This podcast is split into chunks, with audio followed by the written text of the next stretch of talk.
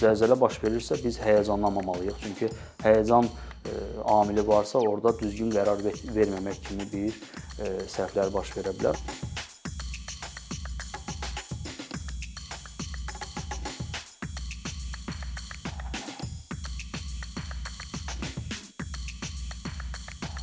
Orxan bəy salam, xoş gördük sizə ikincidə. Bu təhlükəsizliklə bağlı məsələlər periodik olaraq ictimaiyyətin diqqət mərkəzinə gəlir. Xüsusilə də hansısa hadisələr baş verdiyi zaman, düzdür, təəssüf ki, biz bu sahədə daimi müzakirələrin getməsinə şahid olmuruq, amma bəzi hallarda ictimaiyyət bu məsələlərə çox böyük diqqət ayırır. Məsələn, ən son mənim fikrimcə fevralın 6-sında Türkiyədə baş verən zəlzələdən sonra təhlükəsizliklə bağlı məsələlər yenidən əsas gündəm maddələrindən birinə çevrildi. Çünki 50 mindən çox insan həyatını itirmişdi. Elə bu baxımdan söhbətimizə zəlzələ e, mövzusu ilə başlamaq istərdim. Çünki mən düşünürəm ki, bu tip təbii fəlakətlərdə itkinin, ziyanın az olması üçün əsas iki istiqamətdə e, fəaliyyət ehtiyac var. Bir tikintinin təhlükəsizliyi, müvafiq infrastrukturun keyfiyyətli şəkildə həyata keçirilməsi, bir də insanların məlumatlılığı, bu tip fəlakət anlarında necə davranmaq və s. Necə hesab edirsiniz Azərbaycanda bu tip təbii fəlakətlərə hazırlıq səviyyəsi nə yerdədir? Ümumiyyətlə buna daha hazırlıqlı olmaq üçün potensial baş verə biləcək hadisələrdə riski məhdudlaşdırmaq üçün nələr edilə bilər? E, zəlzələdən minimum zərərlə qurtulmaq üçün e, zəlzələdən öncə, zəlzələ zamanı və zəlzələdən sonra görüləsi tədbirlər var ki, bu tədbirlər kompleks şəkildə görülərsə, zəlzələdən minimum zərərlə qurtulmaq mümkündür. Zəlzələdən öncə mütləq e, şəkildə hər bir ailədə e, zəlzələ ilə bağlı maarifləndirici söhbətlər aparılmalıdır. Ev şəraitində təhlükəsiz yer təyin olunmalıdır. Yəni hər hansısa bir zəlzələ hadisəsi baş verərsə, artıq e, ailə üzvləri, insanlar hər biri bilməlidirlər ki, hara evdə təhlükəsiz hesab olunur. Yəni harda dayanmaq lazımdır. Bu da əsas məsələlərdən biridir. Təbii ki, evin ən təhlükəsiz yerləri qapı altı boşluqlar və mənzilin künc hissələri hesab olunur.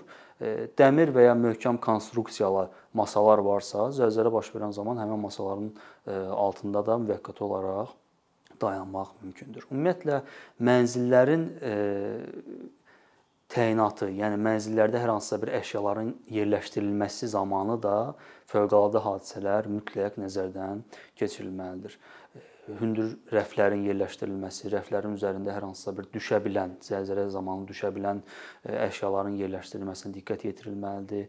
E, həmçinin çarpayıların pəncərə yanında yerləşdirilməsinə önəm verilməlidir ki, e, zəlzələ zamanı ən tez sıradan çıxan pəncərələr, şüşələr olduğuna görə şüşələrin qırıntıları insanlara xəsarət yetirə bilər. Ona görə də çarpayıların, əsasən də uşaqların çarpayılarının yerləşdirilməsi zamanı mütləq qaydada bu amilə e, önəm verilməlidir. Həmçinin ev şəraitində təhlükəsizlik üçün mütləq ehtiyat çantası olmalıdır ki, hər hansısa bir zəlzələ hadisəsi baş verərsə, dərhal ehtiyat çantasını götürüb E, binanı, mənzili tam təhlükəsiz tərk etmək mümkün olsun. Həmin ehtiyat çantasında ilkin tibbi yardım ləvazimatları, e, qida məhsulları, içməli su e, və digər lazımi əşyalar yerləşdirilməlidir, qidalar yerləşdirilməlidir və tövsiyə olunur ki, sənədlərin kopyaları, yəni hansı vacib sənədlər varsa, həmin sənədlərin bir nüsxəsi həmin çantaya yerləşdirilsin ki, Çünki bir çox hallarda e, zəlzələ zamanı insanlar binanı tərk edib yenidən binaya qayıtmağa çalışırlar. Çünki yadlarına düşür ki, hər hansısa bir sənəd və lazım olan bir məlumat var e, mənzildə və qayıdıb onu götürmək istəyərkən hər hansısa bir neqativ hallar baş verir. Çantada tövsiyə olunur ki, fit yerləşdirilsin. Çünki Türkiyə praktikasında da biz gördük ki, e, xilas edicilərin dağıntılar altında qalan insanları xilas etməsi çox çətin bir məsələ olur. Yəni hər hansısa bir işarə və yaxud səs gözləyirdilər ki, e, insanların harada olmasını müəyyən edib onları xilas etsinlər. Yəni bu təhlükəsizlik çantası da öncədən görülən tədbirlərə daxil edilir. Zəlzələ zamanı nə etmək lazımdır? Qeyd etdiyimiz kimi təhlükəsiz yer müəyyən etmişiksə, zəlzələ zamanı həmin təhlükəsiz yerdə dayanmalıyıq.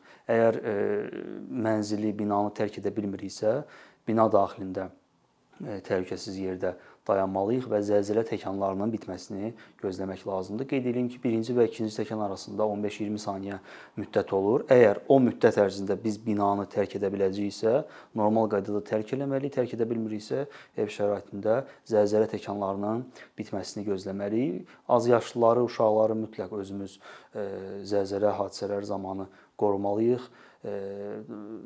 Yəni onların daha həyəcanlı olması, belə deyim, psixoloji durumunun bu məsələlərə hazır olmamasını nəzərə almalıyıq. Ümumiyyətlə həyəcan zamanı əsas məsələlərdən biri təşvişə düşməməkdir. Zəlzələ baş verirsə biz həyəcanlanmamalıyıq, çünki həyəcan amili varsa orada düzgün qərar verməmək kimi bir səhvlər baş verə bilər. Ona görə həyəcan və təşviş olmamalıdır. Həyəcan və təşvişin olmaması üçün də mütləq öncədən maarifləndirici və təbliğat xarakterli işlər görülməlidir. Zəlzələdən sonra əgər biz e, tam təhlükəsiz şəkildə binanı tərk etmişiksə, e, artıq təyin olunmuş yerdə dayanmışıq və növbəti addım artıq müvafiq dövlət orqanları tərəfindən, e, dövlət orqanlarının nümayəndələri tərəfindən verilmiş təlimatlara əməl etməliyik. Binaya yenidən daxil olmaq olmaz.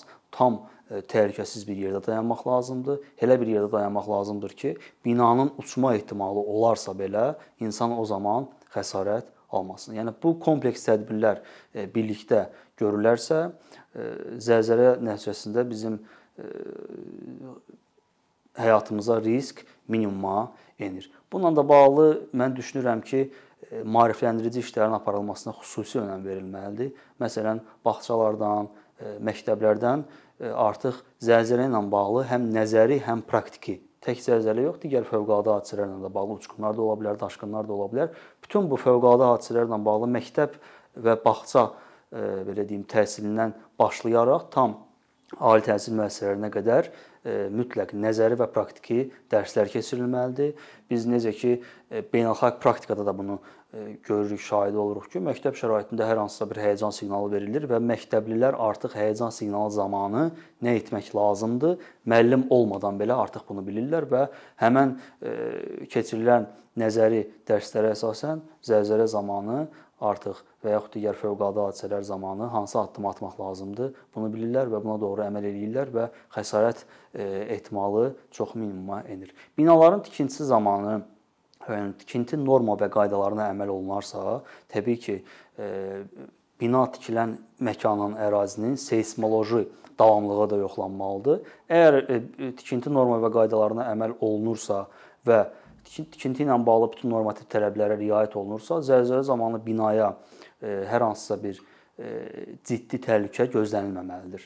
Ona görə də mütləq qaydada binaların dayanıqlığı ölçülməlidir, seysmoloji baxımından ərazinin nə qədər riskli olması müəyyənləşdirilməlidir. Ondan sonra artıq tikinti normativ tələblərinə uyğun olaraq bina inşa olunmalıdır və bu zaman zəlzələnin binaya hər hansısa bir zərər yetirməsi çox minimum bir e, risk hesab olunur.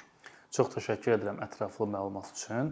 Təhlükəsizlik ilə bağlı məncə son dövrlər ən çox diqqət çəkən məsələlərdən biri də istehsalatda baş verən bədbəxt hadisələrlə bağlıdır. Çünki mən bu verilişə hazırlaşanda bəzi Dövlət Statistika Komitəsinin rəqəmlərini gözdən keçirdim. Məsələn, rəsmi rəqəmlərə görə 2017-ci ildə Azərbaycanda 1 il ərzində istehsalatdakı bədbəxt hadisələr zamanı vəfat edən və əmək qabiliyyətini itirən şəxslərin sayı 180 nəfərə yaxın idi. Sonrakı illərdə ardıcıl bir artım var və sonda 2021-ci ildə bu rəqəm 300-ü də ötüb, yəni ən az 5 ildə təxminən 2 dəfəyə yaxın bir artım göstərir. Bu baxımdan niyə son dövrlər sizcə istehsalatda bədbəxt hadisələrin və bunun nəticəsində vəfat edənlərin əmək qabiliyyətini itirənlərin sayını artırır və ümumiyyətlə əmək təhlükəsizliyinin müəssisələrdə istənilən səviyyəyə gəlməsi üçün hansı normativlər var və bunun faydalı tətbiqi üçün hansı addımlar atılmalıdır? Müəssisələrdə əməyin mühafizəsi sisteminin qurulmasında 3 əsas səbəb var. Birinci səbəb mənəvi səbəbdir. Mənəvi səbəb ondan ibarətdir ki, hər bir kəs, hər bir vətəndaş e, sağlam və təhlükəsiz şəraitdə e, işləməlidir. Bu birbaşa olaraq məsələnin mənəvi tərəfidir. Yəni hər bir kəs e, sağlam və təhlükəsiz şəraitdə işləməyə layiqdir. İkinci səbəb hüquqi səbəbdir. Yəni müəssisələrdə sağlam və təhlükəsiz əmək şəraitinin yaradılması birbaşa olaraq qanunvericiliyin tələbidir. Üçüncü bir səbəb artıq maliyyə səbəbidir. Yəni müəssisədə baş verən hər hansısa bir istehsalat qəzasına görə müəssisənin fəaliyyətində yubanmalar olur, dayanmalar olur, araşdırmalar aparılır və yaxud müəssisə müəyyən e, təzminat ödəməli olur. Bunlar hər biri maliyyə səbəbi. E, bu məsələnin maliyyə tərəfidir. Yəni bu üç əsas səbəbə görə müəssisələrdə sağlam və təhlükəsiz əmək şəraiti qurulmalıdır. Azərbaycanda biz mətbuatda və s xəbərlərdə ən çox rastlaşdığımız bədbəxt hadisələrdən biri də bu dəm qazı sızması ilə bağlı zəhərlənmələr, partlayışlardır. Bax buna maraqlıdır ki, bu təbii qaz sistemi ilə bağlı niyə bu qədər çox problemlər baş verir və bu problemlərin önünə keçmək üçün hansı təhlükəsizlik addımlar atıla bilərdi? Ümumiyyətlə dəm qazı qoxusuz, rəngsiz olduğuna görə, yəni özünə görə bir spesifik xüsusiyyəti olmadığına görə hər hansısa bir mənzildə dəm qazı e, olarsa, onu E, insanın müşahidə etməsi və yaxud hiss etməsi çox e, qeyri-mümkün bir hal hesab olunur. Buna görə də hər bir mənzildə, hər bir obyektdə mütləq ki, qaz sızmasının öncədən müəyyənləşdirilməsi və sonradan tədbirlərin görülməsi üçün qaz detektorları quraşdırılmalıdır.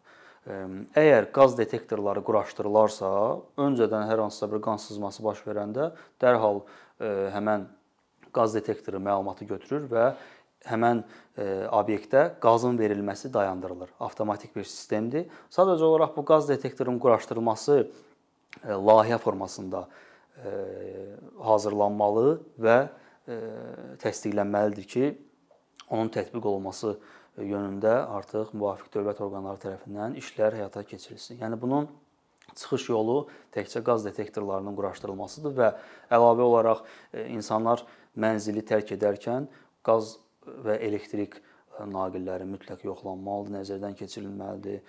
O bunlar nəzərdən keçirilmədən ola bilər ki, insan səhlənkarlığı ucbatından da qaz sızması nəticəsində həm zəhərlənmə halları, həm də partlayışlar qeydə alınır. Ümumiyyətlə mənzili tərk edərkən mütləq qaydada qaz təsərrüfatına önəm verilməlidir. Yəni ola bilər ki, qaz açıq qalıb və insan evi tərk eləyir. Məlum məsələdir ki, evə daxil olarkən e, dərhal elektrik naqillərini qoşmaq olmaz. Yəni işığı yandırmaq olmaz. Çünki biz bilmirik ki, evdə qaz sızması nəticəsində hər hansısa bir risk var, yoxsa yoxdur. Bir çox hallarda qazla baş verən partlayışların səbəbi birmənalı olaraq evə daxil olarkən işığı dərhal qoşmaqdır. İşıq qoşulur və evdə qaz sızması var, bizim məlumatımız olmur və partlayış baş verir. Ona görə də bütün bu kompleks tədbirlər görülməlidir ki, hər hansısa bir neqativ hallar baş verməsin. Bizim son illərdə təəssüf ki, tez-tez rastlaşdığımız bir xəbər də Azərbaycanda meşə yanğınları ilə bağlı olur. Çünki onsuz da Azərbaycanda meşə sahəsi bir o qədər də böyük deyil bəzi ölkələrlə müqayisədə. Amma məsələn mən xatırlayıram sonuncu yayda ölkənin bir çox regionunda bu yanğınlar baş vermişdi və ciddi zərər çəkmişdi insanlar. Baxımdan yanğın təhlükəsizliyi baxımından xüsusilə də bu təbiətdə, yaşıllıqlarda, meşələrdə bu problemlərin qarşısını almaq baxımından öncədən hansı addımlar atıla bilərmi və yaxud buna necə hazırlıqlı ola bilərik ki, bu tip hadisələr baş verdiyində daha qısa müddət ərzində problemi həll edə bilək? Ümumiyyətlə ölkəmizdə yanğın təhlükəsizliyi haqqında Azərbaycan Respublikasının qanunu var və bu qanuna istinadən Azərbaycan Respublikasında yanğın təhlükəsizliyi qaydaları var. Və həmin qaydalarda konkret olaraq yanğın təhlükəsizliyi üçün yanğınların baş verməməsi üçün öncədən hansı tədbirlər görülməlidir, hər biri qeyd olunubdur. Yanğın təhlükəsizliyi ilə bağlı dövrümüzdə görürük ki, maarifləndirici işlər kifayət qədər aparılır, lakin hadisələrin sayı kifayət qədər var. Bu hadisələrin bir çox səbəbləri var. Səbəblər arasında ən böyük yer tutan insan ehtiyatsızlığı ucbatından baş verən yanğın hadisələridir. Burada əsas amillərdən biri ilkin yanğın söndürmə vasitələrinin olmamasıdır. Hər hansısa bir yanğın hadisəsi baş verərsə, onu ilkin mərhələdə aradan qaldırmaq üçün mütləq qaydada yanğın söndürən balonlardan istifadə olunmalıdır. Bir çox hallarda biz şahid oluruq ki, yanğın hadisəsi baş verib və ilkin yanğın söndürmə vasitələri olmadığına görə yanğının e, qarşısı alına bilmir və daha da şiddətli bir e, bədbəxt hadisəyə çevrilir. Ona görə də e, yanğın hadisəsinə dərhal yerində müdaxilə edilərsə, artıq onun daha da genişlənməsinin qarşısını almaq mümkündür. Və bizim əsas məqsədimiz yanğın baş verəndən sonra yanğını söndürmək yox, yanğın baş verməsin deyə öncədən tədbirləri görmək olmalıdır. Bununla da bağlı istər məktəblərdə, ali təhsil müəssisələrində, televiziya kanallarında mütəmadi olaraq maarifləndirici işlər aparılmalıdır. Baxın, yaşayış binalarında yanğın hadisələri ilə əlaqədar müxtəlif praktiki təlimlərin keçirilməsi bu sahədə insanların maarifləndirilməsi üçün çox böyük bir yer tutur. Məsələn, həyəcan siqnalı verilməlidir və mənzildə yaşayan hər bir kəs yanğın hadisəsi, yanğın hadisəsi zamanı necə davranmaq lazımdırsa, ona uyğun addım atıb mənzili, binanı tam təhlükəsiz şəkildə tərk etməlidir və toplama məntəqəsinə öncədən təyin olunmuş toplama məntəqəsində toplanmalıdırlar ki, ondan sonra növbəti təlimata əməl edərək hansı davranışı göstərmək lazımdır, ona uyğun addım atmalıdır. Çox təşəkkür edirik ətraflı müzakirə üçün Orxan bəy. Çox sağ olun. Siz sağ olun. Thank